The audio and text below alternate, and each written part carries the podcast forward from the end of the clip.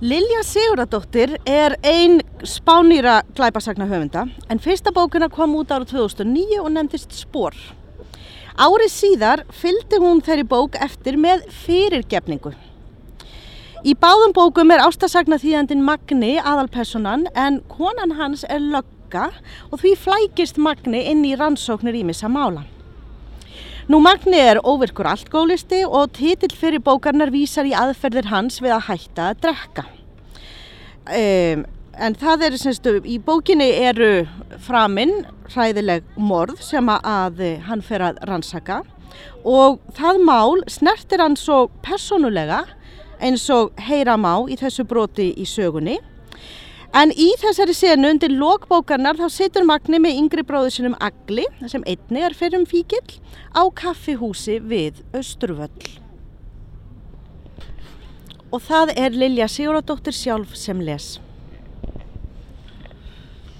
Mér langar til að bæta einhvern veginn fyrir brot mín ef ég get. Ég geti kannski lagt inn hjá þau peningana sem ég á. Það væri svona eins og ef ég væri að endugreiða þér peningana sem ég stalið eitthvað. Nei, elsku Egil minn, segi ég og reyna að hugsa út orðalag sem særir hann ekki. Það sem þú gætir helst gert til þess að bæta mér upp þá sorg sem þú hefur valdið mér er að halda sjálfum þér áfram í lægi og koma undir því fótonum í lífinu. Og til þess þartu peningana þína sjálfur. Takk fyrir það, en ég finna að ég þarf að gera eitthvað svona alvöru, þú veist, til að bæta þér upp það sem ég hef gert þér.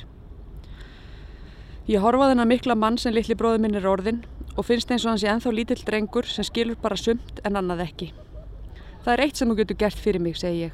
Þú getur hjálpað mér að mála íbúðina. Ég hef ekki efna á að fá mig málara og nenni þess ekki einn svo þú getur komið til mín nokkuð kvöld í ókeppist tímavinnu. Þannig getur við bræðinu líka átt góða stundir saman. Tveir plúsar sem bæta fyrir einn mínus. Hann horfir á mig smá stund eins og til að vega og meta hvort þetta sé auðmingja geska hjá mér eða hvort mér sé alvara með að þurfa þessa hjálp og segi svo Ég vil endilega gera þetta á vagni. Gott, segi ég. Egu þá ekki að fá okkur köku og taka upp léttara hjál. Áður en hann getur svara ringir gemsin í vasans og hann rekkur við og krafsar fálmand eftir símanum en í stað þess að svara horfir hann bara á skjáin, slekkur á ringingunni og segir ég þarf að fara, takk fyrir allt. Áður en ég get staðið upp og faðmaðan er hann rokin út og þá veit ég að það er eitthvað að. Egil hefur alltaf kvart mér með faðmlægi eða bánsalegu allt á föstu klappi á bakið. Það er eitthvað alvarlegt að.